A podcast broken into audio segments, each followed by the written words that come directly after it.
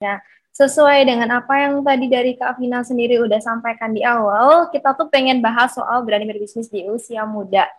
Jadi um, istilah bisnis nanti ada banyak banget ya teman-teman karena sekarang pun bisnis itu udah bisa kita uh, analisa itu tuh nggak cuma terbatas dengan kita menjual produk doang gitu, tapi dengan kita menawarkan service dan kita juga bisa membuatnya berkembang itu menjadi part of uh, bisnis juga gitu. Makanya di sini kita pengen kenalan lebih lanjut, tapi nanti di sini aku mungkin masih memakai apa ya, memakai istilah-istilah yang kita semua itu bisa pelajari bareng kayak gitu. Oke, okay, um, next. Jadi ini yang bakal kita um, bahas bareng. Sebenarnya apa sih bisnis? Terus alasan mau bisnis di usia muda, bla bla bla bla sampai nanti kita uh, tahu trik-trik dan bagaimana sih prakteknya dan apa aja yang perlu dipertimbangkan sebelum kita berbisnis. Apalagi di usia yang masih muda, di mana kita tuh biasanya masih labil, masih pengen banyak main, terus kayak kenapa sih harus punya bisnis sekarang dan sebagainya itu kayak banyak banget Nah, ini mungkin aku kenalan dulu. Aku juga umur 20 tahun, uh, mungkin seumur sama teman-teman, tapi uh, di sini aku ada beberapa uh, pekerjaan dan juga mungkin project ataupun bisnis yang aku kembangkan sejak dari uh, sekolah dulu. Teman-teman kalau mau tahu lebih lanjut itu ada di LinkedIn aku, ada linkedin.com, uh, Raro MCAR. Dan tapi setelah setelah menjalani bisnis hampir tiga tahunan ini, bahkan hampir empat tahun ini gitu, aku merasa bahwa memiliki berbagai fokus itu tuh tidak akan membuahkan hasil yang bagus gitu. Makanya di sini aku mau kenalin di sini aku akhirnya memutuskan untuk hanya memilih dua di antara mereka itu tadi untuk aku fokusin uh, dari bisnisnya itu sendiri. Jadi yang pertama ada Zil Indonesia dan yang kedua ada Meritis Indonesia di mana dua-duanya itu bergerak uh, sebagai layanan untuk pengembangan uh, eh, SDM ataupun talenta muda. Yang bedanya kalau di Zil Indonesia sendiri itu kita fokusnya untuk uh, persiapan karir digital. Jadi teman-teman yang mungkin ke depannya uh, itu tuh pengen punya bisnis atau pengen punya karir di bidang digital nih, kayak di pekerjaan-pekerjaan digital, misalnya kayak di programmer, IT, digital marketing dan sebagainya itu itu bisa sekolahnya itu di Indonesia. Nah yang kedua yang di Merintis Indonesia ini yang aku bangun di Jawa Timur. Kalau yang tadi itu di Kota Batam karena aku udah misinya di Kota Batam. Jadi saat ini sedang di Jawa Timur dan ikut bareng sama teman-teman di Jawa Timur sini karena aku dulu lahirnya di sini jadi akhirnya pengen bikin untuk edukasi bisnis di anak-anak muda e, daerah Jawa Timur dan sekitarnya kayak gitu. Jadi sebenarnya bergeraknya kalau bisa dibilang sebenarnya bisnisnya itu apa sih gitu. Bisnisnya itu kalau aku sendiri itu bergeraknya di bidang edukasi dan empowerment. Jadi kita sebenarnya uh, produk-produk yang kita berikan itu untuk pengembangan uh, dan juga edukasi buat anak-anak muda yang mereka pengen memilih jalur karir atau berbisnis gitu. Itu teman-teman. Nah, um, berhubung sebentar ya sebelum masuk ke sini, berhubung sekarang juga uh, akhirnya pendidikannya udah kelar dari kuliah, jadi sekarang memang lebih berfokus ke bisnis karena benar ketika kita berbisnis uh, dan kita tidak 100% itu akan grow-nya akan lambat gitu. Karena kemarin itu masih terbentur-bentur karena kuliah dan sebagainya gitu kan. Nah, nanti aku akan kasih beberapa uh, contoh gimana sih atur-atur prioritas dan sebagainya gitu. Tapi sebelumnya ini bisnis kalau kita lihat dari KBBI sendiri ya pastinya itu merupakan uh, bidang usaha yang kita akan bisa komersialisasikan gitu yang akan menghasilkan duit ke kita dan kita memberikan produk ataupun layanan ke customer-customer kita. Nah, orang yang memang uh, secara komersial tadi berusaha, mereka mendapatkan hasil dari usahanya itu ya namanya berbisnis gitu. Jadi uh, ini hanya pengertian basic karena teman-teman semua juga pasti di dalam dirinya dan di dalam uh, pemikiran udah mengenal baik apa sih bisnis gitu. Nah sekarang yang aku pengen tanya sebenarnya apa sih yang teman-teman di sini ingin atau sudah lakukan nih di usia 20 tahun ini aku mungkin boleh tanya ke teman-teman ya mungkin bisa uh, langsung komentar via voice aja jadi sekarang yang mungkin belum umur 20 tuh tuh pengen apa sih gitu yang dilakukan ya kalau yang udah umur 20 nih sekarang gitu itu tuh udah ngapain aja gitu Mungkin dari Kak Vina deh, aku mau ngobrol-ngobrol sama Kak Vina nih, coba. Oh, boleh. Iya, Kak Vina ini berapa usianya? 20 lebih? 20 lebih. Oke, okay, 20 lebih. Nah, ini gimana nih? Kak Vina kemarin berarti di usia 20 tahun itu apakah masih kuliah atau bagaimana? Gimana waktu aku usia 20 tahun ya? Iya, itu udah ngapain uh, ngapain aja kemarin di Ngapain usia? aja?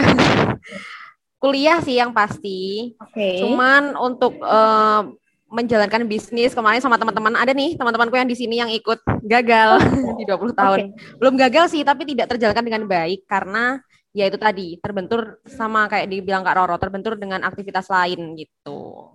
Betul, betul, betul. Oke, okay, thank you Kak Vina. Nah, mungkin teman-teman di sini juga uh, mengenal nggak ya orang-orang ini? Mungkin ada yang kenal siapa aja ini?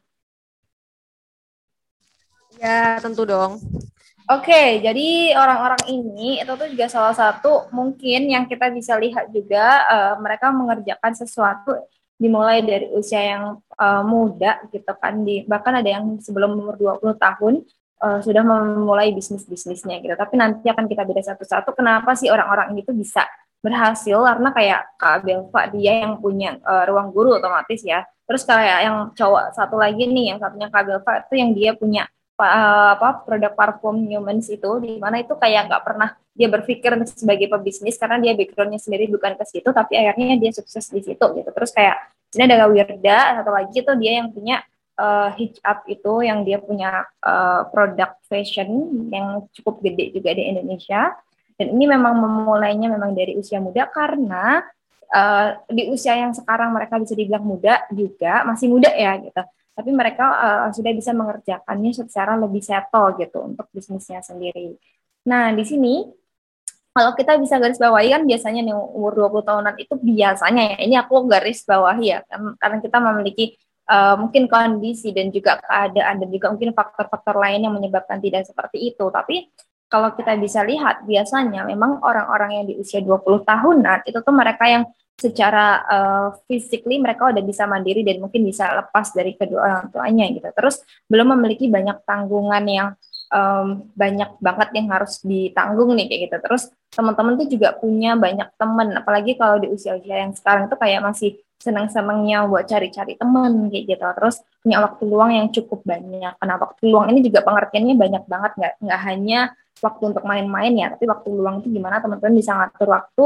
Jadi nggak cuma uh, bisa di kuliah doang gitu. Mungkin ada yang organisasi dan sebagainya. Bahkan ada yang sampai bingung kalau nah online ini mau ngapain lagi ya? Kayak kuliah ya cuma di jam ini doang. Sampai yang lainnya tuh ini mau ngapain lagi? Akhirnya ada yang beberapa uh, orang memilih ya mau cari kerja atau mungkin yang lainnya itu mau coba coba bisnis atau mungkin masih ada yang coba-coba pengen magang-magang online kayak gitu tuh udah banyak banget. Nah ini merupakan satu momen sebelum kita masuk ke usia kepala tiga nih yang bisa dimanfaatkan teman-teman untuk ya uh, sebenarnya bisnis itu entah entah itu sampingan ataupun jadi main bisnis itu bisa jadi investasi diri karena uh, kalaupun nanti teman-teman akhirnya memilih untuk berkarir bekerja dan sebagainya kalau ada side bisnis itu tuh bisa jadi investasi ke depannya gitu. Entah nanti bisnisnya itu adalah grow-nya lambat ya karena mungkin teman-teman kerja gitu. Itu nggak apa-apa.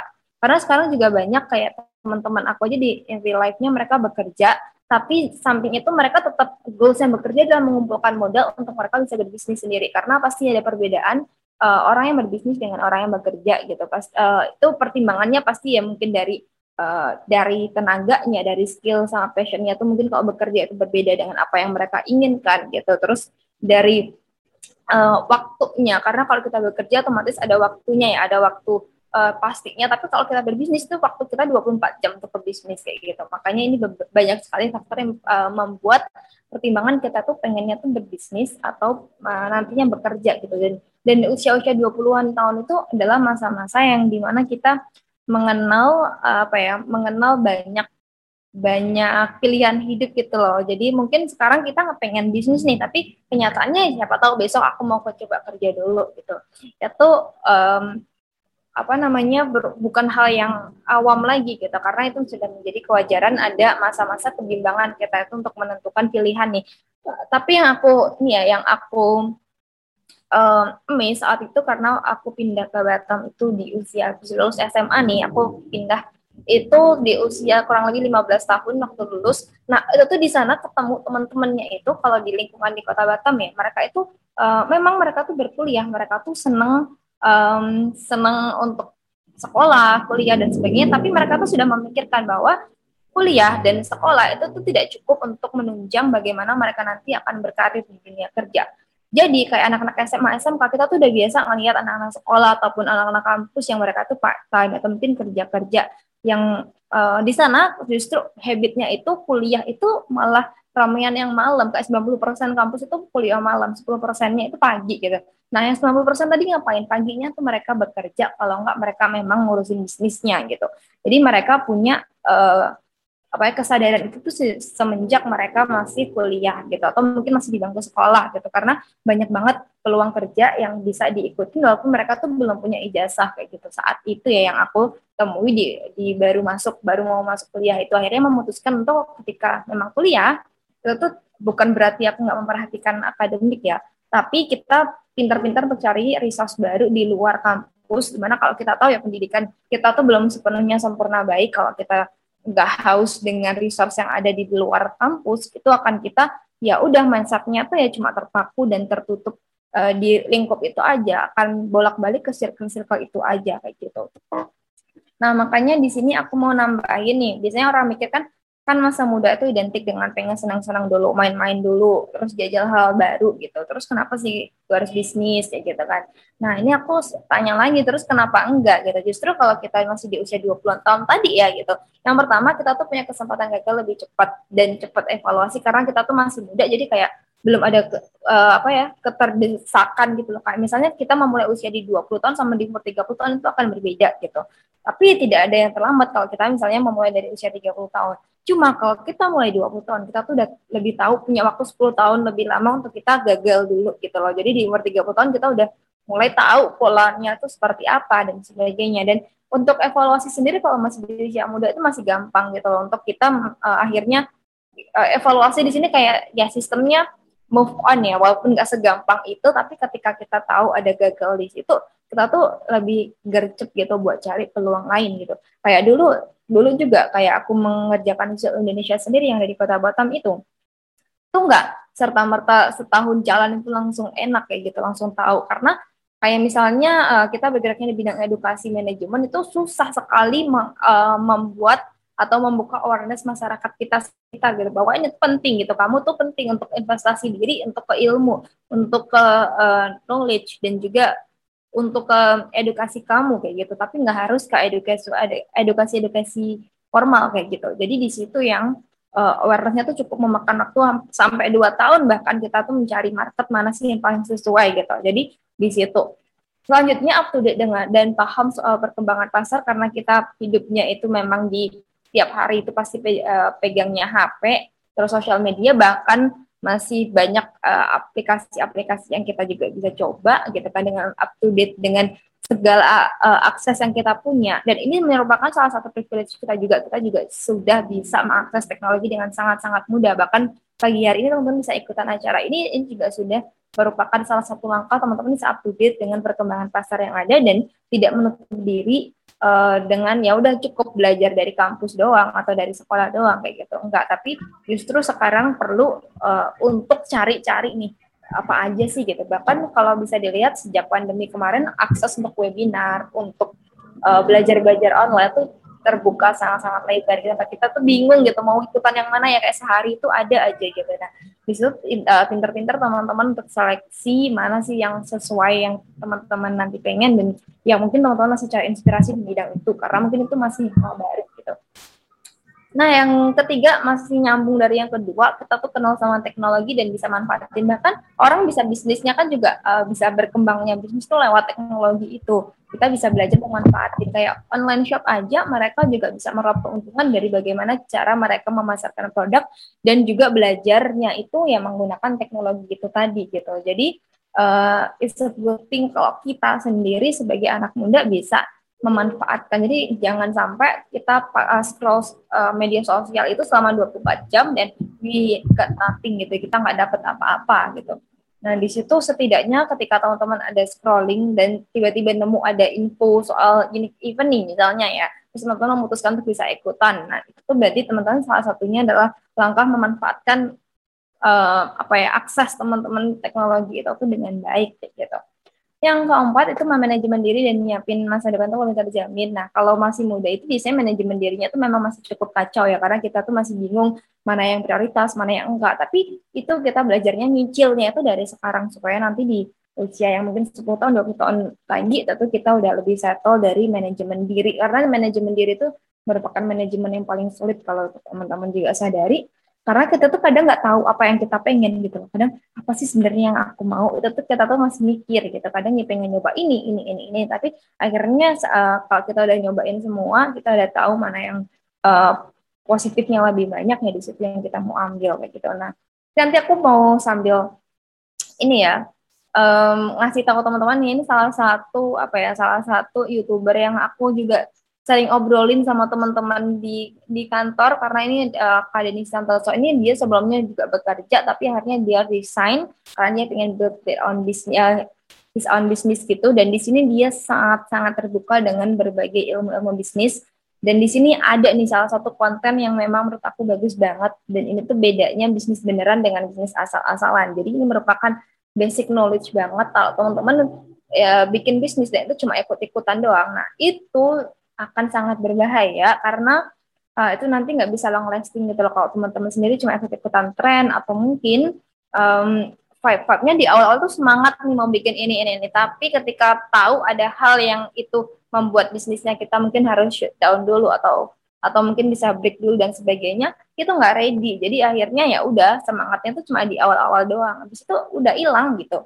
Nah itu yang uh, sering kali kita temui sekarang. Kayak teman-teman juga tahu kan sekarang kayak banyak banget bisnis muncul anak-anak muda misalnya kayak bisnis kopi deh gitu kayak di mana-mana tuh ada gitu kayak sekarang menjamur banget gitu. Nah ini kalau memang dari basic uh, ownernya itu nggak kuat dalam berbisnis ya udah mereka ikutan euforia aja mereka juga buka kopi, uh, kedai kopi atau warung kopi gitu atau mungkin kafe-kafe kayak gitu Terus ketika mungkin di seminggu pertama itu penjualnya nggak sesuai dengan harapan atau ekspektasi, ya udah mereka memutuskan untuk pergi. Nah seperti itu itu berarti dari segi basic bisnisnya itu belum belum kuat gitu. Kalau teman-teman juga misalnya bekerja di suatu company dan di mana company-nya itu dari dari job desk-nya dan sebagainya itu kayak masih karena sekarang ya untuk bekerja juga kan sistemnya udah nggak corporate based banget ya kayak sekarang apalagi kalau uh, kerjaannya itu memang teman-teman itu ketemunya itu sama bidang-bidang yang mungkin tadi ranahnya ke digital itu kayak kita nggak ada keharusan untuk kerja masuk jam 8 sampai, jam 5 sore. Ya tetap 8 jam tapi mungkin uh, jamnya ya bebas lah gitu. Banyak yang sekarang mulai uh, fleksibel seperti itu. Nah, itu juga bisa diulik nih teman-teman. Itu bener nggak sih apa namanya itu tuh pekerjaannya itu beneran atau memang teman-teman mengerjakan pekerjaan itu hanya asal-asalan karena ya mungkin ada goals tertentu yang teman-teman ingin dapatin. Misalnya salarinya lah untuk ditabung dulu atau mungkin untuk keperluan-keperluan yang urgent gitu. Nah itu perlu juga teman-teman analisa untuk sambil cari tahu sih. Karena bekerja itu sebenarnya bukan langkah yang salah dan justru itu jadi peluang kita untuk cari tahu sistem kerja itu seperti apa sih. Nanti kalau misalnya kita ingin bis, uh, bikin bisnis itu bisa kita terapkan dan adaptasi buat karyawan-karyawan kita nanti kayak gitu.